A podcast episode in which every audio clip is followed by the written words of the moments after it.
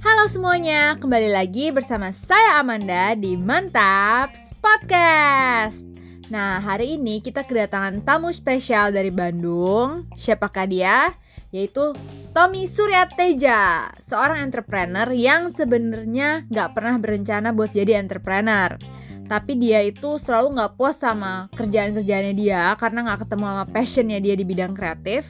Akhirnya dia memulai sebuah usaha dan akhirnya kayak ketemu jodoh. Klik. Nah, buat kalian di luar sana yang masih ngerasa kayaknya nggak serak dalam kerjaan kalian atau mungkin malah nggak serak pas lagi ngejalanin bisnis, jangan pernah capek buat nyari apa yang kalian suka. Karena ketika kalian udah ketemu apa yang kalian suka, rasanya tuh kayak klik, kayak dapet jodoh gitu. Mantap. Nah, ayo kita dengerin cerita mantap Pak Tommy hari ini di Mantaps Podcast.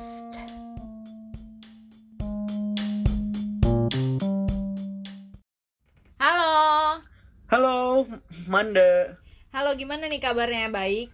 Baik, baik banget. Tetap semangat dong. Yes. Nah, sekarang Tommy ini adalah pemilik dari Zalmon Fabrik. Tapi kan nggak semua orang tahu Zalmon Fabrik itu apa kan? Nah, Zalmon Fabrik itu pokoknya printing company di Bandung yang punya mesin terbaik satu Indonesia. Bener nggak? Ya, pokoknya Yes. ceritain sedikit lah Zalmon Betul Fabrik itu banget. apa. Oke, jadi jadi Salmon Fabric itu adalah perusahaan digital printing buat kain bahan organik yang kita tuh nggak cuma terima B2B doang, Mm-mm. tapi kita terima juga retail di mana orang bisa mulai print dari satu meter aja loh. Wow, wow, wow, wow, wow.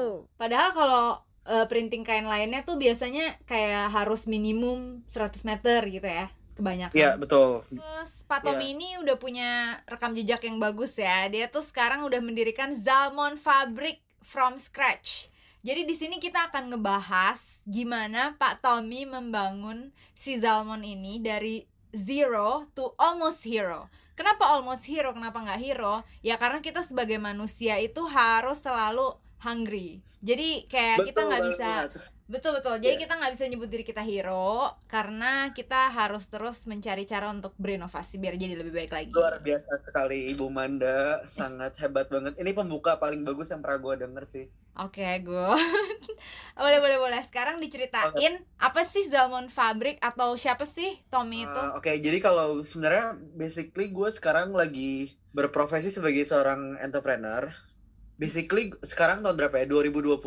Gue tuh mulai bikin Salmon Fabric pertama kali mulai 2016. Nah, kalau kita tarik balik sebelumnya gue tuh lulus di 2012, Mm-mm. tapi gue sempat kerja dulu. Jadi gue 2013 sampai 2015 akhir tuh gue kerja sebenarnya. Jadi Mm-mm. sekitar 2 tahun lebih. Mm-mm. gue pernah kerja di bank, salah satu bank lokal di Bandung. Karena Mhm. gue asal asal dari Bandung kan, Mm-mm. selama kurang lebih satu tahun. Terus udah gitu gue pindah ke Jakarta. Gue pernah kerja jadi konsultan finance juga di Jakarta, kurang lebih satu tahun juga. Mm-mm. Abis gue kerja di Jakarta, baru gue dapat peluang. Kebetulan juga ada opportunity yang bisa gue ambil. Terus barulah kayak gue mulai merintis si Salmon Fabric di 2016. Oh, oke. Terus terus terus. kalau kerja gue pengen bahas kali ya kayak dari kerja terus kayak ke kenapa memutuskan bisnis segala macam gitu ya Mhm. jadi uh, basically gue kerja dulu sebenarnya sebagai jadi gue lumayan beda background Uh, gue background di accounting finance Mm-mm. nah gue pekerjaan pertama gue itu gue kerja sebagai marketing bank Oh. gue gue senang ketemu orang dan gue senang ngobrol gitu kan Mm-mm. makanya waktu gue dapet uh, tawaran buat posisi marketing ya gue ambil karena menurut gue menarik kerjanya tuh kayak uh, cuman ketemu orang ngobrol-ngobrol nawar-nawarin produk segala macam Oke. ternyata setelah gue jalanin ya Mhm. emang kalau ketemu orang itu seru sih kayak kita bisa belajar dari mereka terutama kalau di bagian marketing kan lu ketemu langsung biasanya ownernya langsung owner bisnis lu bisa uh, bener-bener membedah bisnis mereka kayak gimana lu bisa Oh. nanya-nanya segala macam Mm-mm. nah cuman yang gua nggak sukanya itu Mm-mm. mungkin emang bukan passion gue ya Mhm. gue harus jualan barang which is produk bank Mhm. yang kadang-kadang tuh jadi pressure buat gue kayak setengah harus maksa gitu loh karena kan kalau di bank itu ada target ya Oh iya. target iya. yang kayak gue harus kayak achieve target segini segini segini kalau enggak ada konsekuensinya apa dan kadang tuh mungkin orang tuh butuh nggak butuh gitu loh cuman Mhm. gimana caranya kita tuh maksa loh sebenarnya Iya. ya mungkin buat orang eh, buat gue sih ini pendapat gue pribadi ya Mm-mm. nggak semua marketing itu kayak gitu cuman menurut persepsi gue buat gue sendiri ya gue gue kurang cocok gitu mungkin di bagian itu Oh. jadi gue kadang-kadang ada tekanan itu kayak pressure banget buat ngejual barang yang bukan punya gue juga dan gue ngerasa kayak ini value-nya buat orang mungkin mereka butuh tapi kadang juga nggak butuh gitu cuman karena Hmm. mereka beli atau kayak masuk ke sana tuh buat bantuin gue doang gitu kadang gue jadi kayak ada utang budi juga ke orang-orang yang udah bantuin gue gitu ya Iya iya iya iya. Terus Nah, akhirnya gue memutuskan buat resign dan emang passion gue gue kira awal di finance sekarang kan gue dulu uh, jurusan accounting finance kan Mm-mm. makanya gue memutuskan kerja di Jakarta di bagian finance Mm-mm. kalau ini gue benar-benar uh, di belakang layar jadi gue uh, anali sebagai analis kayak analis valuation company gitu Mm-mm. gue benar kerjanya tiap hari kalau ini kebalikannya gue sama sekali nggak ketemu orang di belakang layar full ngitung ngitung perusahaan ngitung ngi- value perusahaan kayak appraisal segala macam awalnya gue enjoy karena itu benar-benar sesuai dengan bidang yang gue pelajarin waktu kuliah Mm-mm. teori teori banget dan benar-benar teknikal benar-benar Hmm. angka bikin report setiap hari tuh benar-benar ya gitu deh kayak benar-benar kayak kuliah lagi kayak bikin tugas akhir Mm-mm. tapi lama kelamaan gue jenuh juga sih kayak eh, apa ya bener-bener gue berasa kayak no life gitu Kayak kangen ketemu Kayak gitu. orang ya? kangen ketemu orang betul terus Oh. Kangen Ya, social life. kangen socialize dan tiap kali gue beres kerja nah waktu gue di Jakarta kan lumayan sibuk tuh kalau orang Jakarta kan pasti lembur-lemburan terus jadi gue kalau ketemu orang kalau main paling weekend doang dan gue tuh berasa tiap kali weekend bener-bener TGIF tuh TGIF banget kayak super super happy banget kayak udah hari Jumat malam tuh udah kayak liar banget gitu kayak wah gila gue party nih tiap Jumat Sabtu Minggu Oke oke. Senin sampai Senin sampai Jumat sorenya itu kayak gila-gilaan kerjanya Mhm. Terus akhirnya gimana? Kayak tetap bertahan di situ sampai lama gitu. ya jadi itu gue kurang lebih satu satu tahun Mm-mm. gue sebenarnya dulu sempat kepikiran uh, buat ngambil karir di finance. Karena kalau gue udah masuk ke finance gue tuh bisa milih buat jadi ambil CFA kalau nggak jadi penilai appraisal gitu. Itu ada sertifikasi sendiri kan. Hmm. kurang sereknya sama kerjaan ini tuh cuman karena kurang social life. Tapi sebenarnya dari segi kerjaannya kayak ngeliat-liat angka terus analisa-analisa angka itu kamu enjoy? Ya jadi gini sebenarnya yang utamanya banget gue mulai uh, kangen itu adalah di kreativitas gue karena kan kalau finance itu oh iya iya iya iya iya. udah sesuai rules kan. Ada kayak set of rules kayak pedoman cara bikin report terus cara menilai perusahaan tuh udah ada aturannya kan udah ada rumusnya lah. Mm-mm. rumus baku yang lu tuh nggak boleh jadi kreatif. Mhm, lu harus kayak ngikutin uh, aturan itu. Nah gue tuh kangen gue tuh kangen banget kayak buat mengekspresikan kreativitas gue gitu loh. Ya jadi kayak mungkin salah satunya itu sih ketemu orang iya tapi yang lebih dominan kalau gue pikir ba- balik lagi itu ya itu di gue nggak Oh. bisa berekspresi jadinya. Gue bener- Iya, iya, bener-bener iya, gue harus kayak pakai rules yang ada udah gitu gue nggak boleh keluar dari rules itu. Iya iya ngerti Nah, banget ngerti banget. sama gue jenuh sih makanya. Ya nah terus akhirnya? Akhirnya gue kan ngobrol tuh sama keluarga gue terus kayak gue juga dulu kan ber- berarti masih umur sekitar umur berapa ya? 2000 hmm, 2015 sekitar umur 25an berarti ya? 24 25 gitu? Mhm. masih zaman-zaman galau kan? Quarter life crisis ya nggak? Iya iya iya 25. kayak Ya. semua orang deh. Iya semua orang. Jadi gue suka share juga kan ke keluarga gue kayak Mhm. gimana ya karir gue segala macam terus ngobrol-ngobrol-ngobrol. Eh, kebetulan pas banget emang keluarga nyokap tuh di bidang tekstil. Oh oke. Ya nah cuman emang dari dulu gue nggak kepikiran eh, buat masuk ke tekstil karena karena ya emang eh, satu gue nggak nggak tertarik gue sama tekstil sebenarnya kayak kenapa nggak tertarik nih dulu tuh gue mikir tekstil eh, satu boring Mhm. karena kan benar-benar old school banget kan Iya. kerjaannya tuh kayak produksi Mhm. distribusinya juga lu cuma masukin toko Mhm. tawar-tawarin ke toko udah kayak eh, bener-bener gue ngeliat ini satu bisnis industri emang gede secara value gede tapi konvensional dan kayaknya nggak bisa dimoder kurang bisa dimodernisasi Oh iya iya iya iya. Jadi Ah. berarti sebenarnya eh, lu ini jiwanya jiwa modern ya? ya gue emang gue sebenarnya gue dari dulu suka banget sama internet dari gue SD suka Oh, banget kayak dari oke, SD oke. tuh gue udah cita-cita pengen banget punya website Oke. ya kayak kelas 4 SD kita sangatan kan Ya sangatan. lu tau internet kelas berapa tahu internet kelas 6 SD. Ya, gue sekit gue kelas 4 kelas 5 sekitar segituan. Iya, Dulu iya. kan internet kayak pakai dial modem gitu kan yang T T T gitu.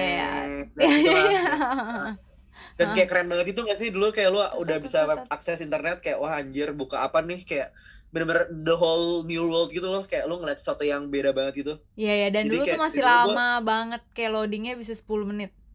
Iya, dan dulu kan nggak banyak website. Gue jadi kayak anjir, gue kayak pengen banget nih one day gue punya web sendiri gitu, nggak tahu apa isinya tapi gue pengen banget itu punya Oh, domain oke, gitu kayak oke, www oke. something. Nah oke oke, balik lagi, Balik jadinya lagi. setelah gue ngobrol-ngobrol karena nyokap gue keluarga emang uh, backgroundnya tekstil Mm-mm. dan pas kebetulan uh, waktu itu tuh ada om gue, jadi om gue yang lebih banyak in charge sekarang. Mm-mm. Om gue dia tuh punya satu mesin Mm-mm. yang emang dia udah udah invest belum lama sih waktu itu masih baru Mm-mm. tapi dia nggak pakai dalam artian dia nggak pakai secara komersial jadi dia pakai cuma buat internal doang buat bikin Hmm. sampel dulu Oh iya. Nah, iya. terus ngobrol-ngobrol dia kepikiran sebenarnya awalnya banget itu eh, dia yang ngasih opportunity Oh oke oke oke. Dia- ngasih opportunity eh, dia ada mesin Mm-mm. coba karena anaknya masih kecil Mm-mm. dan saudara gue yang lain juga kayak mm, masih maksudnya belum ada yang pas waktu saat itu Mm-mm. dengan dari sisi umur dan kesempatan Mm-mm. terus kayak ngobrol-ngobrol ibaratnya eh, gue bisa dikasih kesempatan buat ikut produksi kom gue gitu Iya iya iya oke oke oke. Ya, tapi Mm-mm. sisanya kita harus mikir gue harus mikir kayak apa nih yang bisa peluang apa nih da- dari mesin ini gitu Oke oke. Jadi ibaratnya om lu ini punya mesin dan dia tuh menawarkan lu, lu terserah bisa mulai apa aja. Ayo kita kerja sama gitu kan. ya ya dia kasih tahu tapi dia bilangin juga sih mesinnya ini tuh buat ini gini gini gini Hmm. oke nah terus gue nggak langsung bilang iya tapi gue waktu itu gue cerita dulu sebenarnya kayak mesin dia tuh sebenarnya mesin buat apa terus kainnya karena kan gue bener-bener buta waktu itu kan kain gue juga dulu kayak nggak tahu kain tuh ada apa aja Mm-mm. jadi gue bener-bener harus belajar dari nol banget karena om gue ini Gila. sangat sibuk Iya iya. iya. om gue ini sangat sibuk banget tipe yang sibuk dan kalau sebenarnya dia dia orangnya eh, baik dan sangat menurut gue dia orangnya hebat sih cuman karena dia sibuk jadi bukan tipe yang bisa ngajarin lo 24 jam kayak nanya gini lo susah gitu loh Oh, iya dia iya. kayak iya. lebih ke orang yang tipe lo eh, lo nanya dia jawab tapi sisanya lo belajar sendiri gitu Oke. Nah oke dari oke nah pas lagi udah pembicaraan itu Mm-mm. nggak lama kemudian gue coba research dulu nih kayak gue datengin toko-toko kain di Bandung Mm-mm. kayak ke pasar-pasar kain ke, ke pasar baru ke toko-toko kain gue lihat kayak uh, kain yang dibilang om gue tuh dia bikin ini gue cari di pasar tuh adanya kain apa aja Oh. Jadi, jadi- lu cari ke pasar itu buat tahu jenis kainnya tuh kayak gimana gitu. ya soalnya gue sama sekali nggak ada background Oh, tekstil which is oh. literally itu kayak kayak bener-bener gue masuk ke TK lagi even gue kayak kain dia bilang dulu tuh dia bilang kain katun gue aja nggak tahu kain katun tuh apa gitu Oh my god. paling gampang kan lu mesti cek ke pasar langsung Oke oke. dan gue oke. tuh pengen tahu sebenarnya dari kain katun ini Mm-mm. itu tuh banyak bisa dibuat jadi produk nggak makanya waktu gue gue inget banget tuh dulu ke, pas- ke pasar baru di Bandung Mm-mm. gue tuh nanya sih kayak i- jadi yang gue cari tuh produk kan mereka ada jualan baju kan jadi gue tanya nih kayak baju ini bahannya apa terus kalau yang bahan katun eh, yang mana aja gitu baju-bajunya Jadi itu Jadi gua- setiap hari lu datang ke pasar baru. nggak tiap hari karena kan gue masih kerja dulu jadi lebih banyak eh, pas Oh. lagi weekend sama iya pas lagi gue balik Bandung sih Hmm, soalnya dulu gue oke, oke. balik Bandung minggu sekali gitu Mm-mm. Nah, udah kan gue kumpulin data dulu Hmm. kurang lebih sekitar satu bulan deh kayak sebelum gue bilang iya Mm-mm. jadi gue emang research research dulu sih yang mesin dia bilang kemampuannya buat kayak gini terus kain dia kayak gini gini gini Mm-mm. terus eh, dan peluangnya tuh mau apa aja nah itu gue cari tahu dulu Mm-mm. sampai akhirnya gue mikirnya gini sih kalau gue kelamaan research dan nggak maju-maju Mm-mm. itu juga kelamaan eh, lama-lama ntar gue bakal capek sendiri akhirnya ya udahlah nggak jadi gitu karena gue di Jakarta juga sebenarnya udah nyaman nyaman juga gitu kan Iya iya iya. seneng gue di Jakarta Bener-bener. cuman karena ya itu kayak akhirnya gue gue memutuskan buat just go with it first deh Iya iya bener. akhirnya ya udah gue gue resign dari Jakarta Mm-mm. dan gue nyemplung deh ke Itu ini. setelah berapa lama lu ngomongin sama om lu sampai akhirnya lu resign? kurang lebih 1 sampai dua bulan berarti Oh, oke oke oke. Berarti lu mikir-mikirnya Satu, satu sampai dua bulan ya? Ya jadi gue benar-benar soalnya gini loh man gue jujur ya Mm-mm. waktu gue kuliah Mm-mm. gue tuh mindsetnya sama sekali nggak pengen jadi entrepreneur waktu gue kuliah gue inget banget sampai semester terakhir tuh gue masih masih pengen kerja tuh di bidang finance jadi kayak bener-bener uh, pengen meniti karir di finance kayak menurut gue Oh. keren gitu loh kayak lo bisa jadi CFA CPA terus lo uh, apa ada karir jenjang karir kan jadi Oh. manajer director partner kayak gitu-gitu Iya iya iya iya. Tapi sampai sampai sekarang akhirnya nggak ya jadi finance financean. Enggak, sama sekali enggak. Even kayak gue di di Zalmon aja gue nggak megang finance juga. Oh, oke oke oke oke. Menarik ya. Iya, Terus terus. iya.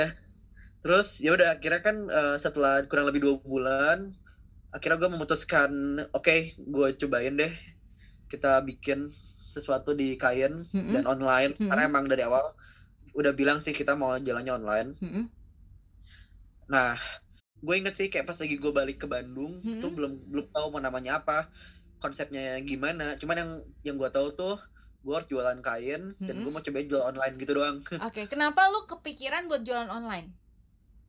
Nah, gini, satu gue belajar dari pengalaman gue di bank, Mm-mm, which is menurut gue mm-mm. canvassing tuh, lu tau canvassing kan? Canvassing tuh kayak nawar-nawarin produk Iya baru tahu, baru denger nih satu detik yang lalu. Ya, canvassing itu eh, menurut gue kalau zaman dulu mungkin efektif banget ya canvassing karena kan nggak ada media komunikasi lain kan zaman dulu. Mm-mm, Tapi kalau sekarang canvassing tuh udah menurut gue udah nggak zaman ya. Kayak gue berapa kali datang ke mm-mm, toko ya, mm-mm, ketemu orang. mm-mm, Emang eh, kadang lu nggak bisa janjian, mm. langsung datang dan lu nawarin tuh sering banget ditolak, ditolak atau kayak dibilang ownernya nggak ada lah, atau kayak dibilangin nanti balik lagi atau apa, pokoknya ditolak deh, di reject. Mm-mm, Itu ya gue nggak apa-apa ditolak, cuman bukan masalah di- bukan masalah gue ditolaknya, tapi masalah ini kapan gue bisa jualan gitu kalau kayak gini terus kayak Iya, gue iya, ketemu iya. owner aja nggak bisa gitu susah banget buat cari link ke ownernya langsung nah itu yang menurut gue kayak gue mau jualan barang apa pun juga ke depannya Iya, kayaknya udah nggak bisa deh kalau kalau gue susah buat ketemu ownernya juga udah susah gitu iya iya iya, benar benar benar benar. ya dan menurut gue menurut gue kayak apa yang paling gampang yaitu online Ka- karena semua orang tuh pegang handphone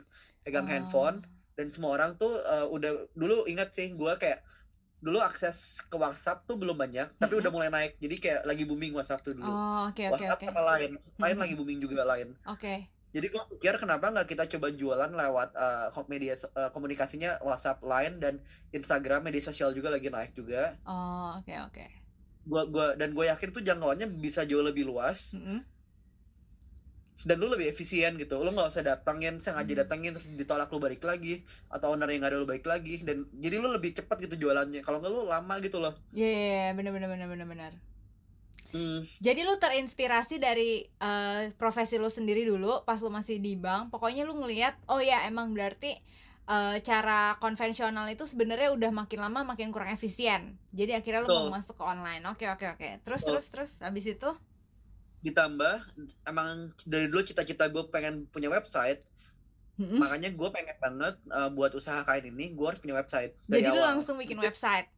Iya betul, which is buat zaman itu tuh gue inget banget 2016 itu masih jarang banget. Mm-mm. Uh, biasanya punya website tuh pemain e-commerce yang udah dapat modal investor asing yang gede-gede Oh, gitu. jadi lu pas di Bandungnya sendiri lu juga nge-research kayak competition-competition yang ada yang punya website tuh masih Ya. dikit. Ya kebanyakan emang lewat Instagram sama lewat WA gitu dulu. Oh, oke oke oke oke. Uh, dan itu gue emang setengah mati sih cari developer website. Terus sekarang masih jarang kan dulu dan harganya masih lumayan Iya. tinggi. Gue inget banget tuh Dan waktu itu lu itu- ke Senayan City meeting sama developer websitenya Terus lu ketemu Ya. gue juga Terus lu kasih Ya. lihat kayak lu pokoknya kepengen website lu tuh bisa eh, customize gitu Jadi customer Ya. bisa sampai tahu kayak dia mau ngeprint si ininya berapa senti berapa senti tuh bisa dimasukin dari websitenya Ya, gitu betul. kan Ya, ya, Mhm. ya. Terus terus Ya betul. Ya jadi eh, kalau gue lihat ada dua sih. Satu kenapa website? Yaitu karena karena itu mungkin itu idealisme gue pribadi sih waktu zaman itu. Gue kayak nggak terlalu mikir eh, butuh. nggak butuh tapi gue pengen aja gitu website. Dan syukur-syukur emang ternyata bener gitu. Jalannya ya pas itu. Emang ternyata website itu sangat ngebantu Ha-ha. akhirnya gitu. Ha-ha-ha-ha. Yang kedua yang kedua karena ini kan gue print kain sebenarnya. Mm-mm. dan custom kan. Nah itu juga nambah poin kenapa gue nggak bisa jualan secara konvensional Mm-mm. karena customize customize customize Customization. Customizationnya itu yang bikin kalau gua jualan lewat online itu sangat efisien gitu jauh lebih efisien. Iya iya iya oke oke make sense. Ya. Pertama jadi yang lu prepare adalah lu tahu lu punya produk tuh kain. kedua lu udah punya mesinnya ketiga lu berarti bikin website. Betul. Dan lu nggak ada partner nih lu cuma nama om lu aja gitu berdua. Iya. oke. om gue sebenarnya lebih ke silent partner sih jadi dia kayak ngemodalin mesin. Oh iya iya iya iya oke. ngemodalin mesin terus sisanya ya udah terserah gitu. Oke oke oke dia menarik. paling kayak ngasih masukan kayak ngasih dia lebih ke knowledge textile sih. Kayak ini gini bisa dipakai jadi gini terus kalau ini kayak gini gitu. Cuman karena dia sendiri masih industri yang konvensional juga belum di branding Mm-mm. jadi itu kayak benar-benar gue belajar branding dari nol sih benar otodidak kayak Wow. even kayak dulu gue bener-bener basicnya gue accounting finance terus tiba-tiba nyemplung ke kayak ginian. Iya itu iya, gue iya. bener agak cuman kayak mungkin karena gue seneng ya. Hah? dan gue ngerasa karena gue akhirnya ya ini kayak kalau gua- kita flashback ke belakang lagi. Iya. Mungkin karena gue ENFP juga INFP iya. Ya jadi kayak ter- ternyata setelah gue tahu juga ini di akhir Hah? dan itu tuh kreatif eh, strong pointnya strengthnya tuh adalah kreatif INFP itu Oh, oke. Jadi lu adalah jiwa kreatif yang selama ini belum menemukan kayak medium di mana lu bisa berkreasi dan akhirnya setelah Oh, ketemu iya. ini lu bisa berkreasi gitu. Ya itu pas banget sih emang kayak gue gue sebenarnya lumayan thanks God banget sih Bersyukur banget kayak udah ketemu karir yang berjodoh gitu ya. Thanks God-nya karena gue menemukan karir yang gue senang tapi di saat awal itu sangat-sangat berdarah-darah man kalau lo tahu. Oh, itu oke. gue di awal-awal belum thanks God sih kayak enam bulan pertama itu bener kayak 6 sampai 8 bulan lah itu kayak bener struggle-nya lo lebih parah dibandingin lo nggak dapet kerja gitu loh. Oh iya. pusing banget. Pusingnya ya karena kenapa? lu karena lu udah invest kan. Lu udah invest di website lu udah invest di bahan baku di segala macam stok tempat dan gue ingat kayak berapa 6 sampai 8 bulan pertama tuh sama sekali nggak ada profit. Even kayak awal-awal banget mah negatif. Kayak gue nggak bisa jualan gitu